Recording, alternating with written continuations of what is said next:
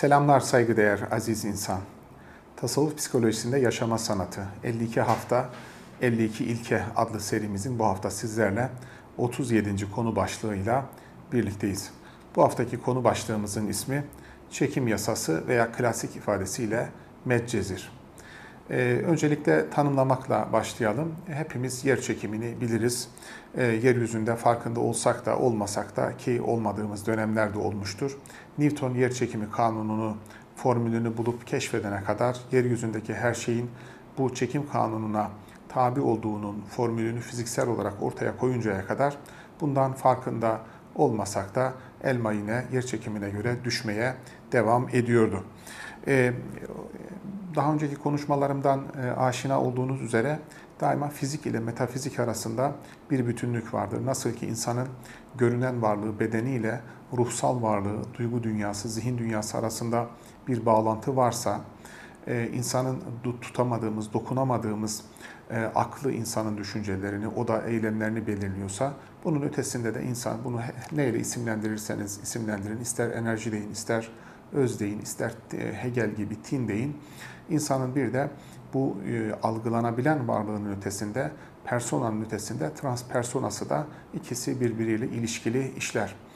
E, alemde de, evrende de bu yasadan bahsedebiliriz. E, ibn Sina gibi e, İslam filozofları, aynı zamanda tıp hekimi olan ibn Sina, fizik ve metafizik üzerindeki bu bağlantıdan eserlerinde e, bahseder. Hatta e, daha önceki konuşmalarda yine geçmişti. ibn Sina'nın eserlerini yazma metodu ve yöntemi, her şeyin önce yöntemini ortaya koyar, mantıktır e, birincil içerik. Daha sonra doğayı inceler, görünür olanı inceler. Çünkü görünür olan daha somut olduğu için algılanmaya, üzerinde tartışmaya, sonuç bulmaya daha yakındır. Daha sonra da bu doğanın e, e, ötesindeki mabadet tabia denilen e, antik Yunan'daki karşılığıyla fiziğin ötesindeki metafizik üzerinde durur. Dolayısıyla bugünkü konumuzda fizik ve metafizik üzerindeki bu e, irtibattan dolayı yer çekiminin biraz e, metafizik arka planından da bahsedeceğiz. Aslında günümüzdeki e, bu tartışılan ve üzerinde deney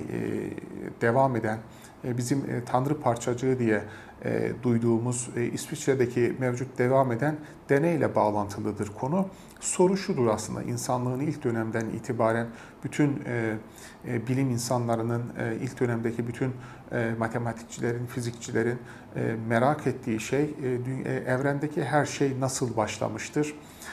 Tanrı parçacığı deneyi de evrendeki bu başlangıcı fiziksel yöntemlerle, bilimsel yöntemlerle bundaki sır perdesini aralamayı amaçlayan bir çalışma olarak devam eder ki tasavvuf felsefesinde günümüzde bildiğimiz gibi bilimde bu Big Bang ile açıklanır, evrendeki büyük patlamayla açıklanır. Tasavvuf felsefesinde de buna yakın bir varsayım kabul edilir evrenin başlangıcına dair. Tasavvufi düşüncede bu e, anlayış gizli hazine olarak e, tercüme edebileceğimiz kenzi mahfi olarak kabul edilir. Nedir kenzi mahfi? E, Allah sonsuz varlık, tanımlanamayan olan varlık isimleriyle sonsuzlukta yani algılanamaz bir boyuttan algılanabilir bir boyuta geçmesinin aşamasını ifade eder. Bu kutsi hadiste ki kutsi hadis demek e, e, manası e, Hazreti Peygamber'e Allah tarafından verilen Hazreti Peygamber'in mütercim olduğu yani onu Allah adına dile getirdiği, Allah şöyle buyuruyor dediği fakat Kur'an ayeti olmayan ifadeleri bu literatürde kullanıyoruz. Kutsi bu Kenzi Makfi hadisinde ben gizli bir hazineydim, bilinmeyi istedim, bilinmeyi sevdim. Buradaki bilinmeyi sevdim ki hadisin orijinal metninde فَاَحْبَبْتُ en اُعْرَفَ kullanılır. Kullanılan, istedim diye kullanılan kelimenin kökeni muhabbettir. Yine her zaman yaptığımız gibi kelimelerin hafızasına başvuralım.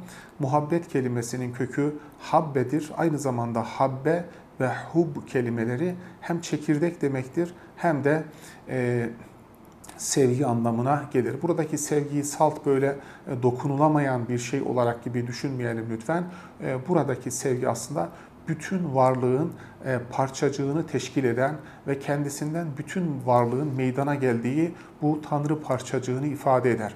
Bu nedenle İbnül Arabi gibi, Hz. Mevlana gibi üst düzey arifler evrenin bu tanrı parçacığının muhabbet tohumu olduğunu ve evrendeki her şeye bunun bir şekilde sirayet ettiğini ifade ederler ki ilahi isimler arasındaki evreni kodlayan e, isimlerdir bunlar.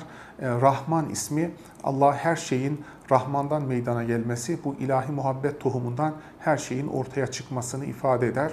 Hz. Peygamber'in e, Allah rahmetini yüz parçaya böldü e, diye e, sembolik olarak anlattığı, e, o dönemdeki insanların algılayabileceği bir sayma sayısıyla bunu ifade ederek 99'unu kendi katında tuttu ve birini evrene gönderdi. Yeryüzündeki bütün muhabbetler bir at yavrusuna basmamak için bir arslan yavrusunu koruma içgüdüsüyle bu muhabbetten tesirini alır. Bu anlamda muhabbet sadece bir insanın bir insana duyduğu e, sevgiyi değil, bütün varoluşun temel çekirdeğini farkında olsak da olmasak da e, bütün varoluştaki döngüyü yönlendiren noktadır. Nasıl ki bir çember, bir daire merkeziyle ayakta durursa, ortasındaki yerle ayakta durursa, evreni ayakta tutan nokta muhabbet tohumudur derler.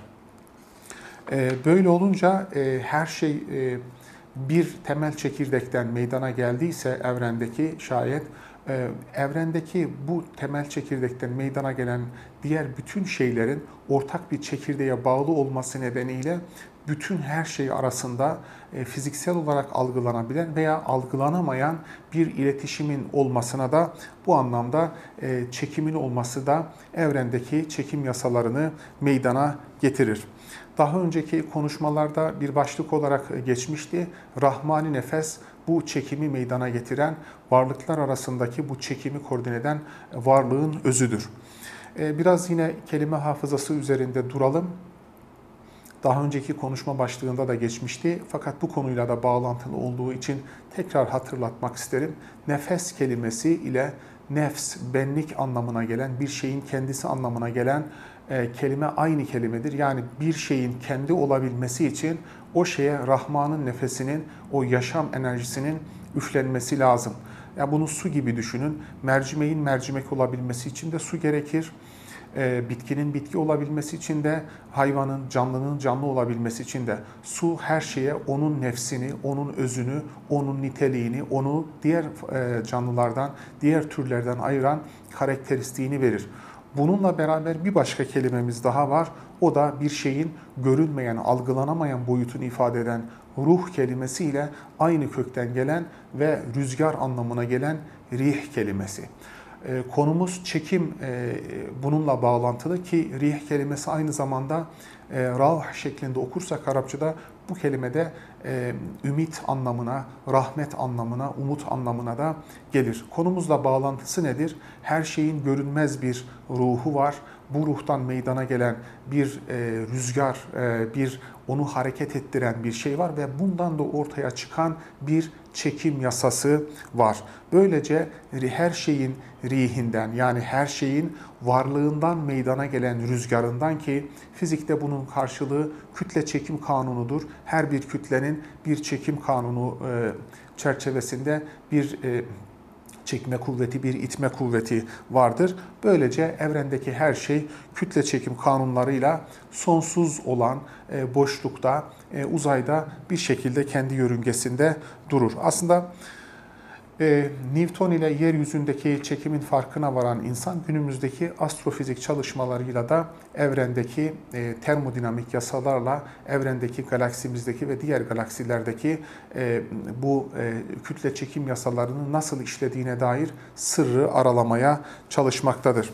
Kenzi Makfi Kutsi hadisinin bize işaret ettiği şey evrendeki her şeyin bu ilahi muhabbet tohumundan meydana gelmesi nedeniyle evrenin çekimi de aslında bu e, sevgi üzerine e, kurulu olduğudur. E, burada e, bu çekime eşlik eden bir diğer kavram hem İbnül Arabi'nin e, ifadelerinde, izahlarında hem Hz. Mevlana gibi üst düzey ariflerin ifadelerinde diğer bir kavram ise bu e, çekime eşlik eden kavramın orijinal karşılığı cezbedir.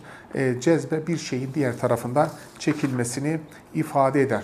Fakat her bir e, çekimde, her bir cezbeye o şeyin içerisinde bulunduğu mertebe de o şeyin cezbesine, çekimine e, etki eder. Bunu şunun gibi düşünelim lütfen.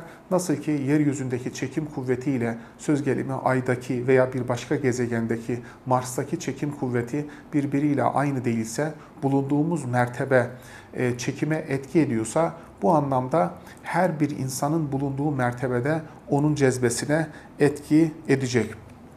Böylece e, e, mertebe, her bir mertebenin kendisiyle diğerleri arasındaki etkileşimden, cezbeden meydana gelen e, bir cezbeye dayalı evrende bir dönüş ve cümbüş başlar. Bu açıdan Hz. Mevlana gibi, Hz. İbn Arabi gibi büyük ariflere böyle e, üst düzey ariflere göre aşk, muhabbet, çekim ve medcezir bu gibi kavramlar arasında tasavvuf psikolojisinde çok sıkı bir ilişki vardır. Söz gelimi Hz. Mevlana'nın bir ifadesini e, hatırlatmak isterim. Der ki Hz. Mevlana, evladım işin aslı cezbe iledir. Fakat şunu da ilave eder. Fakat evladım sakın işten güçten geri kalıp o cezbeyi de bekleme.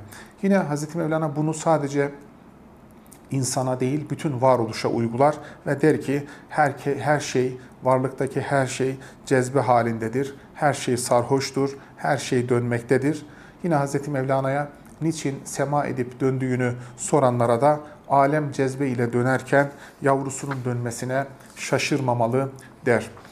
E, bu anlamda tüm varlık e, parçacıkları yani kütleleri arasında görünür veya görünür olmayan bir e, çekim olduğu için varlıkta da bir çekim yasalarının ortaya çıktığından bahsedebiliriz.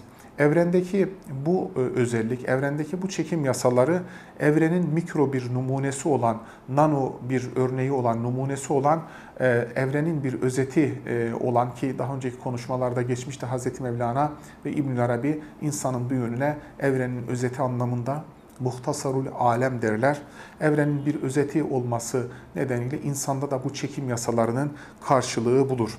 Bizler e, farkında olsak veya olmasak nasıl ki e, Newton bulmadan önce de e, yeryüzündeki her şey yer çekimi kanununa, formülüne göre e, yeryüzünde e, işliyor idiyse insan, insan da farkında olsun veya olmasın aslında çekim yasalarına göre hareket eder. Bizler farkında olalım veya olmayalım kendimize uygun şeyleri kendimize çekeriz.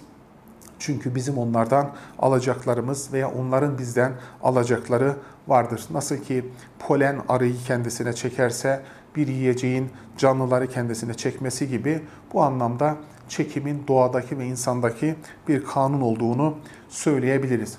Her zaman yaptığımız gibi e, çekimin e, katmanlarından bahsedebiliriz. Fiziksel e, cezbenin katmanların, fiziksel cezbeden söz edebiliriz. En dış kapsamlı olarak yani kaps, varlığımızın en dışında algılanan yönü itibariyle fiziksel bir çekimden, fiziksel bir cezbeden bahsedebiliriz. Zaman zaman e, basın yayın organlarında e, okursunuz. İşte aşktaki ten uyumu e, tarzında bahsedilen şey aslında bu fiziksel çekimin bir yönüdür. E, birbirini e, e, birbirine yakın olan hayvanların hemen e, birbirinin yanına gitmesi aslında varlıklar arasındaki bu fiziksel çekimin bir örneğidir. Bir annenin yavrusuna doğru, bir yavrunun annesine doğru çekilmesi bu tarz muhabbetteki çekilime hepinizin bildiği örnektir. İnsanda olduğu gibi aslında e, doğadaki kütleler arasındaki e, çekimi de inceleyen biliyorsunuz bundan e, kaynaklı şeyleri inceleyen fizik bu alandaki ilkeleri, kanunları, formülleri inceler. Fizikte böyle formüller olduğu gibi aslında insanın bu çekimine dair de daha komplike, daha karmaşık bir formüller olduğunu ifade edebiliriz. Çekimle ilgili e, burada hatırlatmamız gereken e, bir konu daha önceki konu başlıklarında geçen e, balans, mizandan bahsedebiliriz. Evrende bir her şeyinde aynı zamanda bir ölçü ve denge üzerinde bulunması gerektiği konusudur ki bu bizi çekimle ilgili bir diğer kavrama götürüyor. O da medcezir kavramıdır. Çünkü galaksimizi düşünelim. Güneşten şayet güneş eksenli olarak güneşin etrafında konumlanan e, gezegenler, yıldızlar güneşten şayet uzaklaşırlarsa bir e, donarlar. Şayet yakınlaşırlarsa aynı zamanda bu onlar için yanma anlamına gelir. Bu bunun insandaki karşılığı aynı zamanda e, insanın bu e, muhabbetteki dengeye de dikkat etmesi gerektiği e, üzerindedir ki Hazreti, e, Hazreti Peygamber'in aleyhissalatü vesselamın e, e, muhabbetle ilgili ifade ettiği bir e, hadiste ahbib habibeke hevnen ma sevdiğini sevmede fazla aşırı ileri gitme. Çünkü aşkın kendisi e, ölçüsüzdür. E, sınırsız bir alandan geldiği için ölçüyü muhafaza edemeyebilir. Dolayısıyla eğer e, ölçüyü de muhafaza etmezseniz, hız limitlerine dikkat etmezseniz e, meskun mahalde kaza yapma olasılığınız artar. O yüzden Hazreti Peygamber e, bu konudaki dengeyi, uyarıyı e, yapar.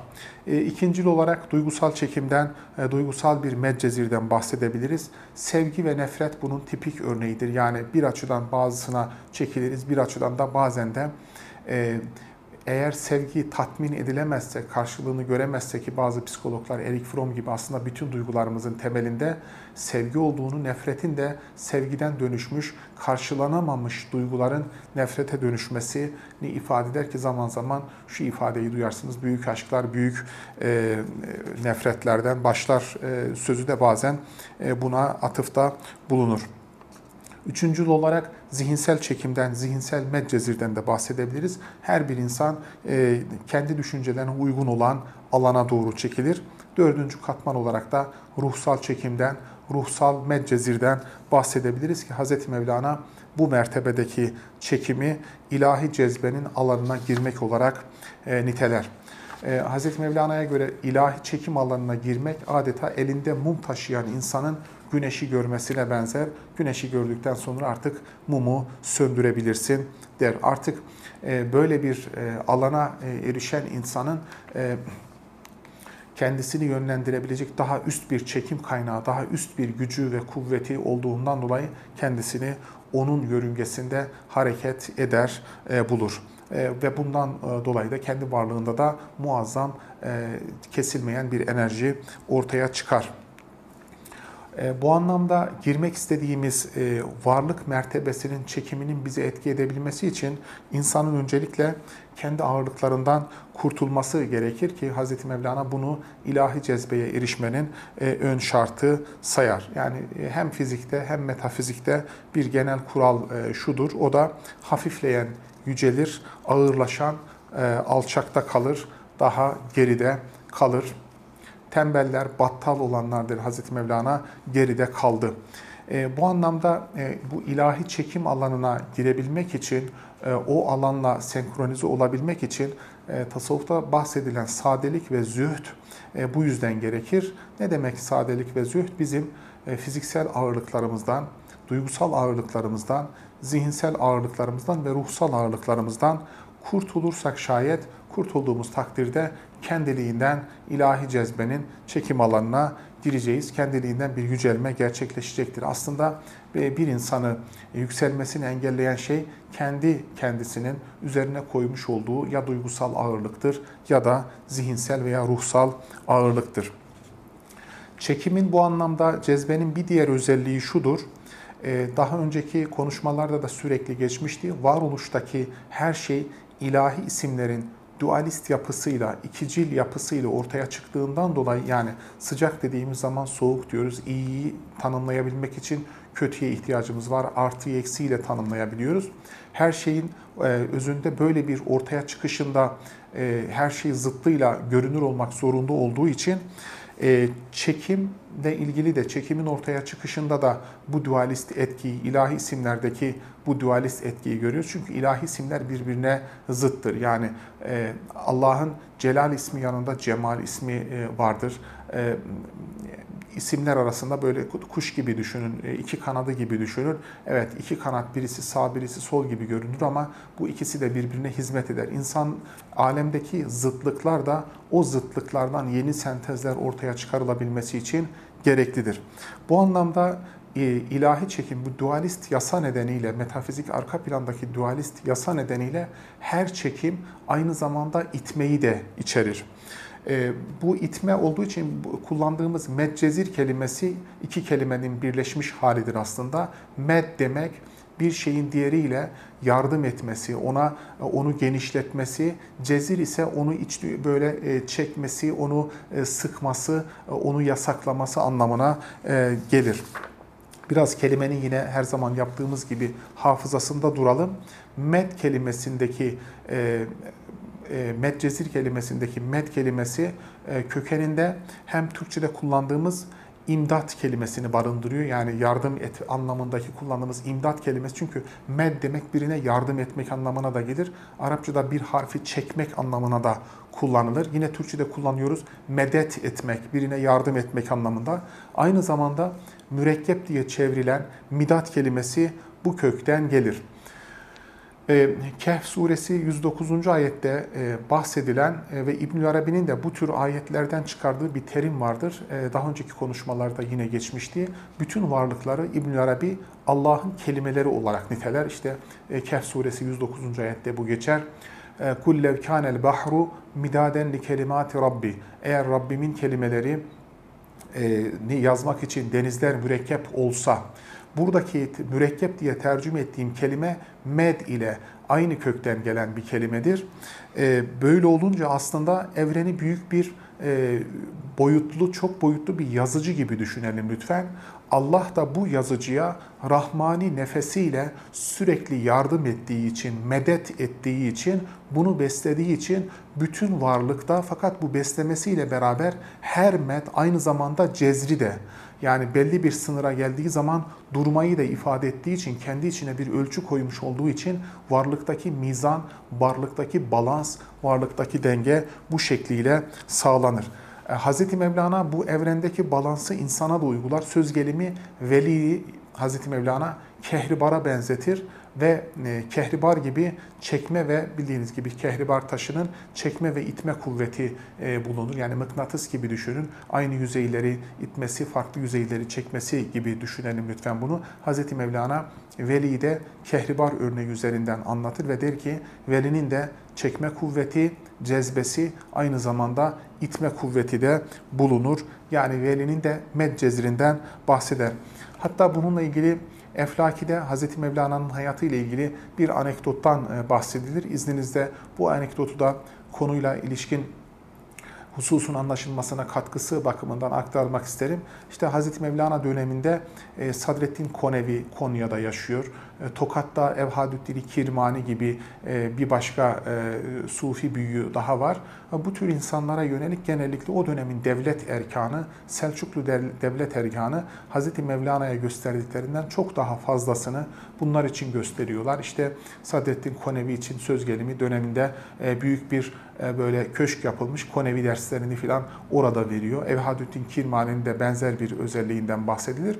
Hz. Mevlana'nın etrafındakiler bir gün Hz. Mevlana'ya diyorlar ki acaba bu devlet erkanı döneminin e, devlet e, muktedirleri sizdeki büyüklüğü göremiyorlar mı yoksa başka bir şey var mı bunu anlamakta zorlanıyorlar. Biraz da tabii hani insan genellikle böyle kendi sevdiği kişinin daha böyle popüler, daha önde, daha toplumda itibar sahibi olmasını ister. Hz. Mevlana'ya yönelik böyle bir şey söylüyorlar. Diyorlar ki niye onlara diğerlerine size gösterdikleri türden bir saygı, sevgi göstermiyor göstermiyorlar? Niye size yönelik, onlara yönelik gösterdikleri bu kadar yakınlığa rağmen size böyle bir şey göstermiyor? Hazreti Mevlana da e, etrafındakilerinin e, bu e, sorusuna şöyle cevap veriyor. Diyor ki siz onların bize gelmemelerini görüyorsunuz ama bizim tarafımızdan itilmelerini görmüyorsunuz. Hatta Eflaki'deki olay peşinden şöyle bir e, anlatımla devam eder. Hazreti Mevlana bunu söyledikten sonra işte o dönemdeki devlet erkanı Hazreti Mevlana'yı ziyarete gelir ve Hazreti Mevlana'nın etrafındakiler oluşan kalabalıktan dolayı çünkü devlet erkanının gelmesi demek aynı zamanda onlarla birlikte bir sürü e, diğer insanların da gelmesi anlamına geldiğinden dolayı Hz. Mevlana'nın yanına yaklaşamaz olur.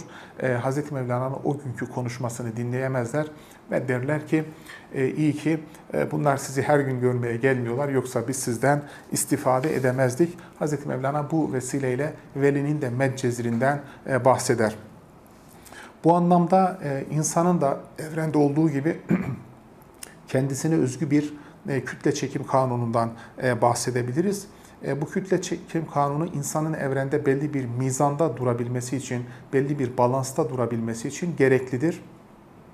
Nedir bunun e, ilkesi? Ağır olmamız gereken yerlerde ağır olmak, hafif olunması gereken yerlerde de hafif olmak. Ya denizde olduğunuzu düşünün.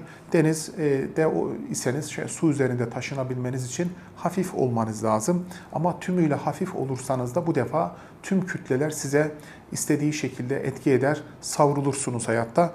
Bu yönüyle de yörüngenizi koruyabilmek için de belirli ağırlıklarınızın olması lazım. Hatta ameller ve ibadetler insanın bu ağırlıklarına benzetilir. Yani denizde sizi belirli bir hedefe götürebilmek için e, geminin belli bir ağırlıkta e, olması da gerekir.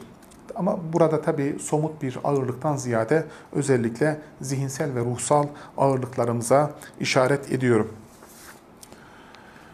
E, bu anlamda he, e, bütün katmanlarımızda, ister fiziksel katmanımızda olsun, ister duygusal katmanımızda, ister zihinsel katmanımızda, isterse ruhsal katmanımızdan ortaya çıkan şeylere göre evrendeki e, ona uygun olan şeyleri kendimize çekeriz ve uygun olmayan şeyleri de farkında olsak da olmasak da kendimizden uzaklaştırırız.